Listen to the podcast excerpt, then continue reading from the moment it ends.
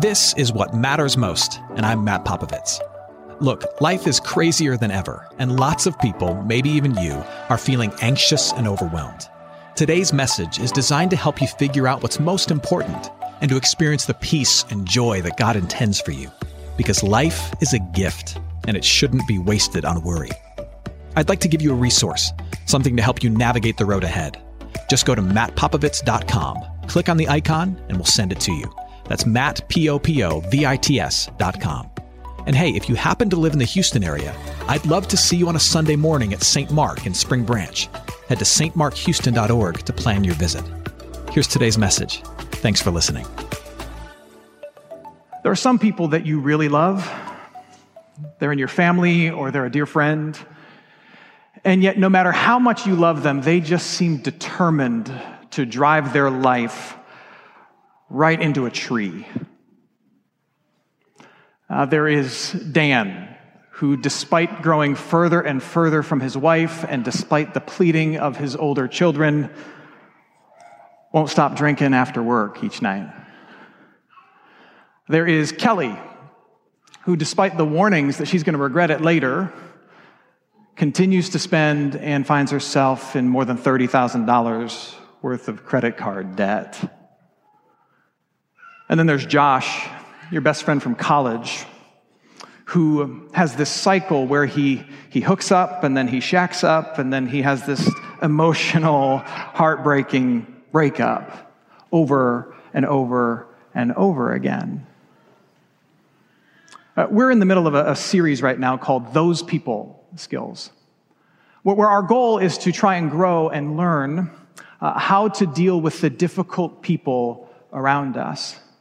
Uh, we believe that the scriptures are full of wisdom with how to deal with, with the difficulties of life in general, but in particular with, with people that we love who are doing things that we struggle to deal with.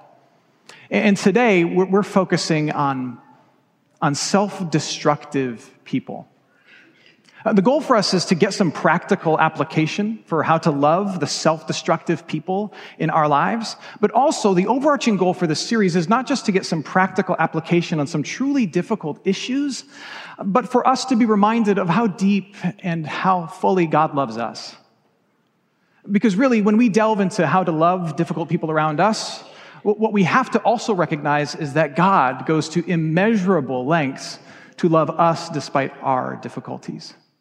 And so it's about being equipped to face what's in front of us, but also growing in our knowledge and appreciation for how each and every day God the Father through Jesus Christ puts up with, forgives, and walks with us. Throughout this series, and today's no different, uh, we're going to be in the book of Proverbs. And perhaps one of the most famous Proverbs comes from Proverbs chapter 26, verse 11. It's a famous proverb, but you're not going to find it on any gift cards at the Christian bookstore, okay? It says this Like a dog returns to his vomit, it's a pretty picture, is a fool who repeats his folly. The Bible likes to talk a lot about fools. Uh, fools, from a biblical perspective, are people who continue to do the same broken thing over and over and over again. Um, in one sense, the Bible says that all of us are fools. All of us have this, this deep brokenness within us that causes us to choose these, these sinful urges and impulses over and over again in our lives. But then, and this is what Proverbs 26 is talking about, but then there are, there are certain moments and certain people where, where the foolish behavior goes to another level. Where despite the pleadings of people who love them, despite them they should know that there are better choices to make, that there's a more beautiful way to live. They keep choosing something truly harmful to them and others over and over and over again. And despite the fact that there are people around them who are pleading with them, who are grabbing them by the shirt collars and saying, why don't you stop this? Why don't you choose something better? They just keep returning to the, Ugh. Now, now, there are a lot of reasons for this. One of the things that Jesus was fond of saying was basically this um, Behind the unhealthy fruit is a broken root. There is a much deeper issue going on in the life of the person that you love who is truly self destructive?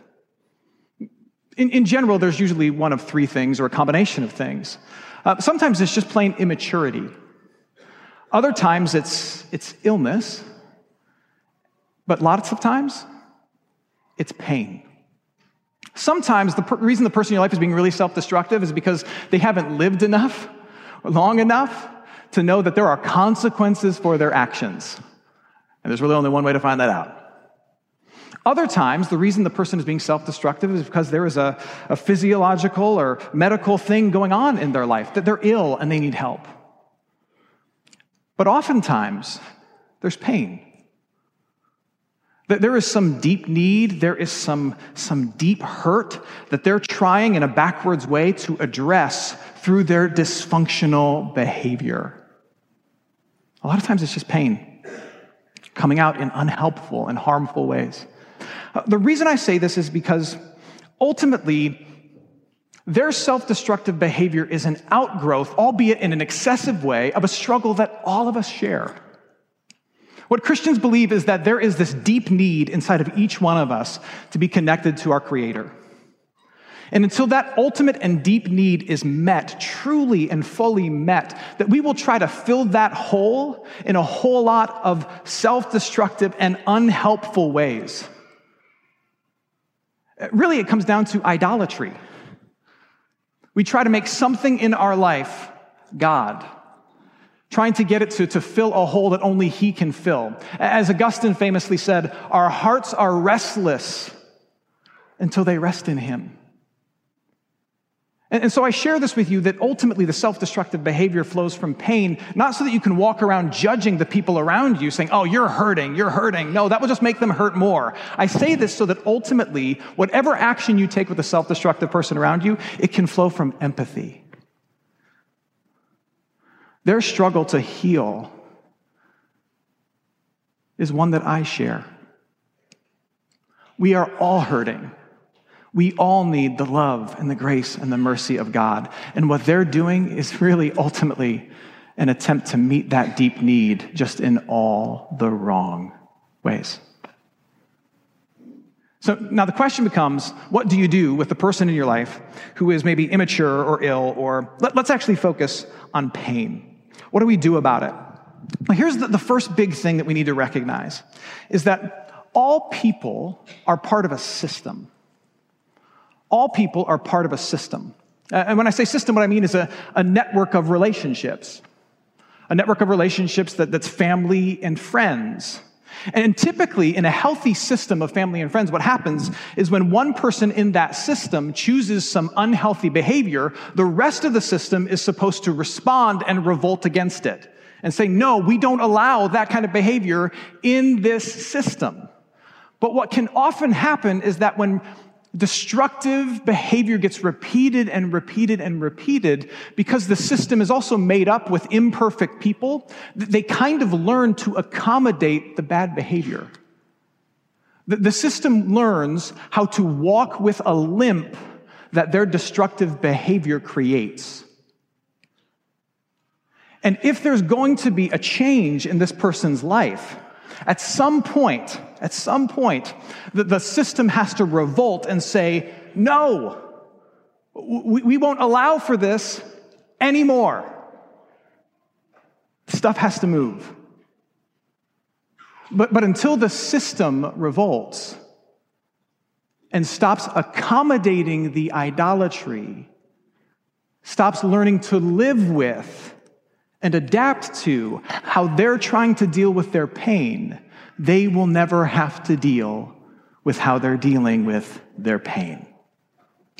The system that bemoans the destructive behavior actually can create an environment that insulates them from the bad effects of their behavior. And so the system has to revolt and say, we won't accommodate this anymore. So, so ultimately, what has to happen is that the self destructive person in your life, they have to reach a place of, um, this might seem like a counterintuitive phrase, they have to reach a place of, of beautiful brokenness. Of beautiful brokenness. Some people call this place rock bottom. Uh, a therapist might refer to it as the gift of hopelessness. the Bible talks about this as being thoroughly and completely broken, where you are at the end of your own efforts and you recognize that apart from the intervention from the outside in others and in God, apart from the intervention of others, you are completely lost. You are at the end of yourself. And, and let me just make clear that from a biblical perspective, brokenness is good. Hey, friends, it's Matt. If you're listening to us in Houston and you're looking for an excellent education in a Christian setting for your student, I'm inviting you to take a tour of St. Mark Lutheran School in Spring Branch. We serve infants through eighth grade with an excellent faculty, brand new facilities, and a faith forward curriculum. To schedule your tour, head to gostmark.org. That's G O S T M A R K dot org to schedule your tour today. St. Mark Lutheran School. It's excellent education for your son, your daughter, your little one. Now, back to today's message. Rock bottom can be a very good place to be. Because if you're the person who's been in self destructive patterns, when you're finally at rock bottom, when you're broken, you're at the end of yourself, what it means is that all of the denial that has fueled your self destructive behavior, all of the denial is done. And all of your, your unhealthy energy has been spent. And now you are ready for God to do his work of making you and turning you into something new. And actually also listening to all the other outside resources that are there to help you and transform you. In large part, this is what Jesus is talking about in the Beatitudes, which we heard earlier in Matthew chapter 5. Matthew chapter 5, verses 3 through 6. Jesus says some things here that, that, that, that seem contradictory he says, Blessed are the poor in spirit. That, that's brokenness. Blessed are the poor in spirit, for theirs is the kingdom of heaven. Blessed are those who mourn, for they shall be comforted. Blessed are the meek, for they shall inherit the earth. Blessed are those who hunger and thirst for righteousness, for they shall be satisfied. It's a strange word to use, blessed.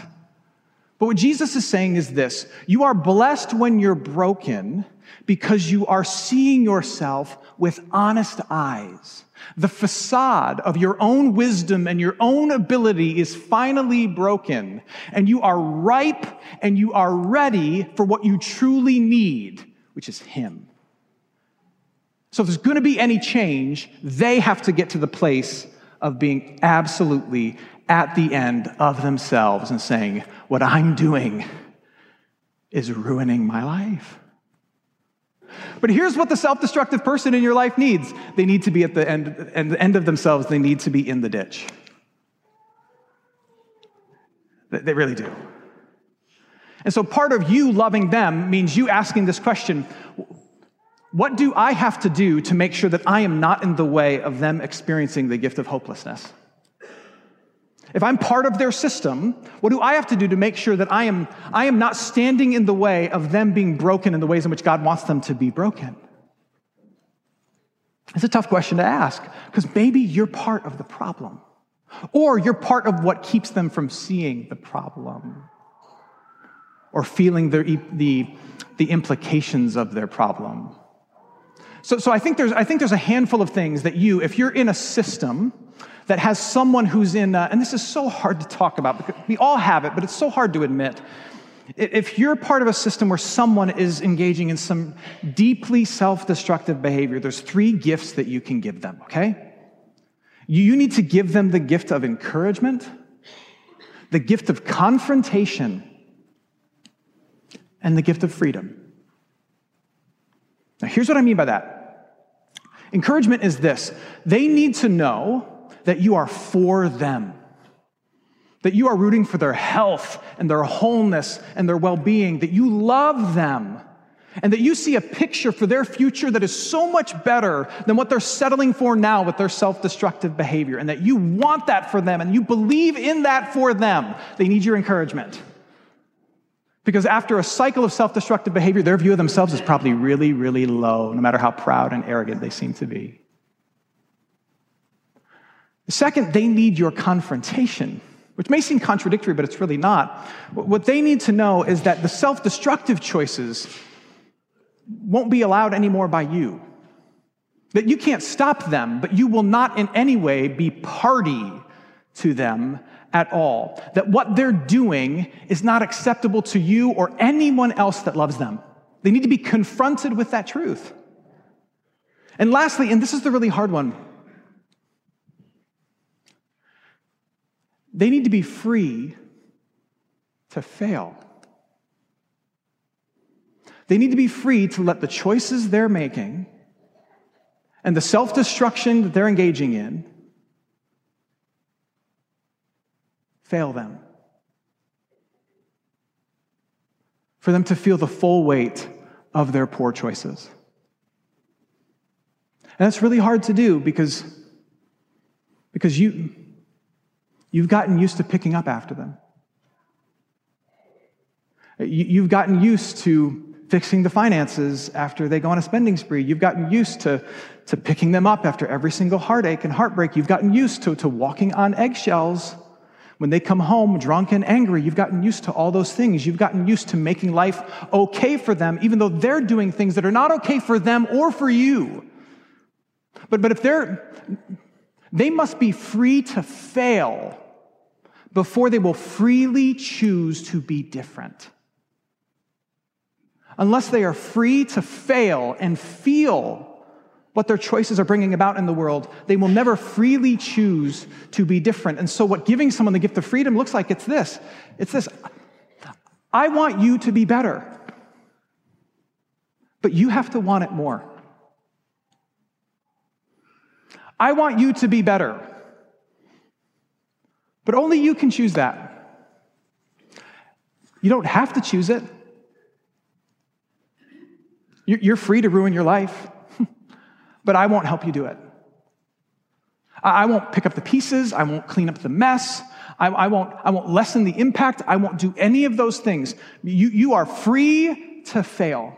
If you want my input, I'll gladly give you my input. I'm not going to let you harm me or hurt me. I love you. I'm, Yes, I'm putting up a boundary, but this boundary is a bridge. If you want to live a certain way, you can walk across this bridge and be in my life. But I'm, I'm giving you the freedom to live over there, doing your self destructive thing, and feel the impact of your choices.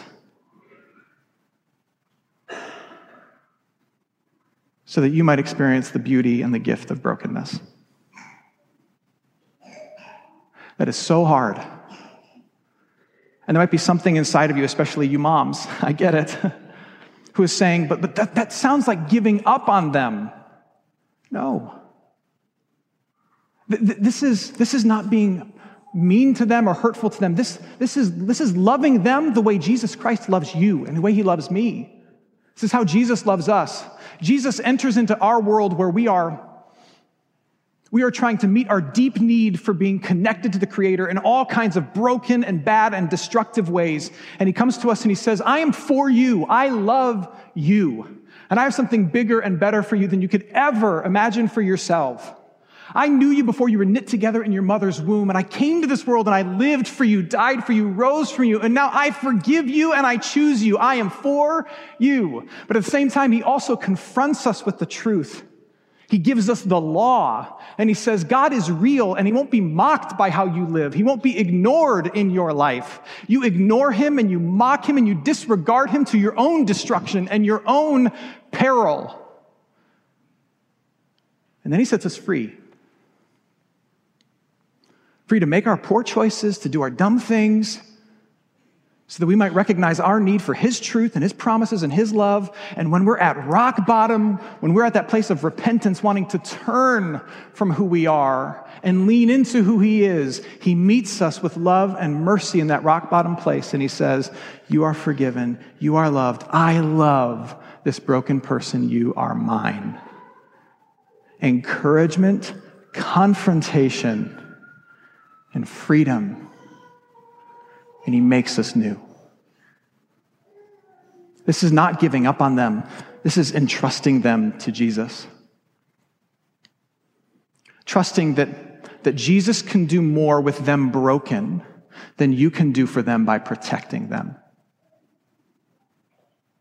Jesus can do more for them in their brokenness than you can do for them by protecting them from being broken with the system that you've built.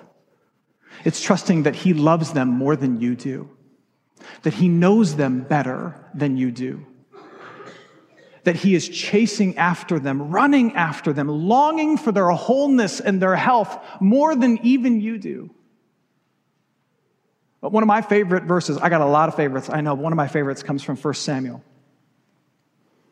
In the choosing of David, it says this The Lord does not see as man sees. Man looks on the outward appearance, but the Lord looks on the heart. It's trusting that Jesus sees their heart and knows who they truly are and what they truly need. It's trusting that though you are tired and exasperated by their poor behavior, that Jesus never tires of chasing after the ones that he loves. And it's also choosing to believe that if Jesus is near to the broken, that he will be with your loved one when they're in their worst place. But also, if you're tired and you're empty and you're done, that he is also with you right now. It's entrusting them to Jesus. I know that this is not an easy thing to talk about, especially for those of us who have some people with some seriously destructive and dysfunctional things going on in their lives.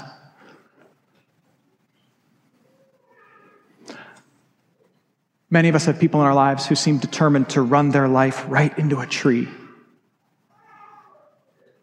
it's hard to know what to do with it.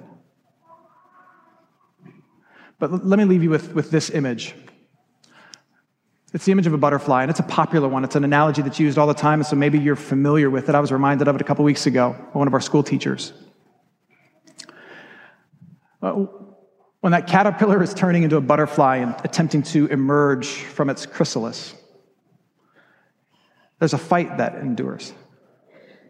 There's a battle that goes on. and You just see it try to break free from what's holding it back and then fly free and fly beautiful. And there's this attempt, if you're watching that struggle, there's this attempt to try and help it out to maybe kind of cut open the chrysalis and, and, make it a little easier for it. But those who really know how this works, that they will warn you against that. Don't, don't ease the battle for the butterfly as it emerges because two important things are happening.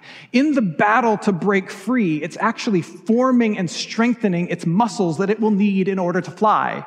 But it's also going through a very purposeful process of emptying itself of all of the energy that it's built up in that resting state. It has to empty itself of all of its energy so that finally, once it does break free, it has to sit on that empty chrysalis for a long time, tired and exhausted. And the tiredness and the exhaustion and the emptiness is important because while it's waiting, its wet wings are drying and hardening and strengthening. So if you set it free early, it doesn't have enough strength if you set it free early, it doesn't have the wings to fly. It has to empty itself. It has to battle. It has to be emptied of all of its energy so that it can be transformed and made into what it truly needs to be to fly free. And the same is true for the self destructive person in your life. When you rescue them from the battle, you are robbing them of the experience that they need in order to possibly be made new. And so I will pray for you that you would have the strength to offer encouragement, confrontation, and freedom to the destructive person in your life. And that you'll be able to trust that Jesus has his eye on them even more than you do. And I will pray for this person in your life that when they hit rock bottom, they might look up and see light. Hey, it's Matt. I hope you enjoyed what matters most. Here's what I need you to know life is a gift, and it shouldn't be wasted on worry. I want to help you figure out what's most important and to experience the peace and joy that God intends for you. So, for more content, you can head to mattpopovits.com. That's Matt.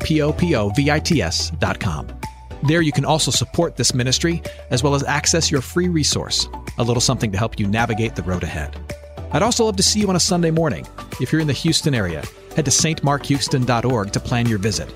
In the meantime, hit me up on Instagram at mpopovits or at facebook.com slash mattpopovitsministries. Thanks for listening. Now go and hold tight to what matters most.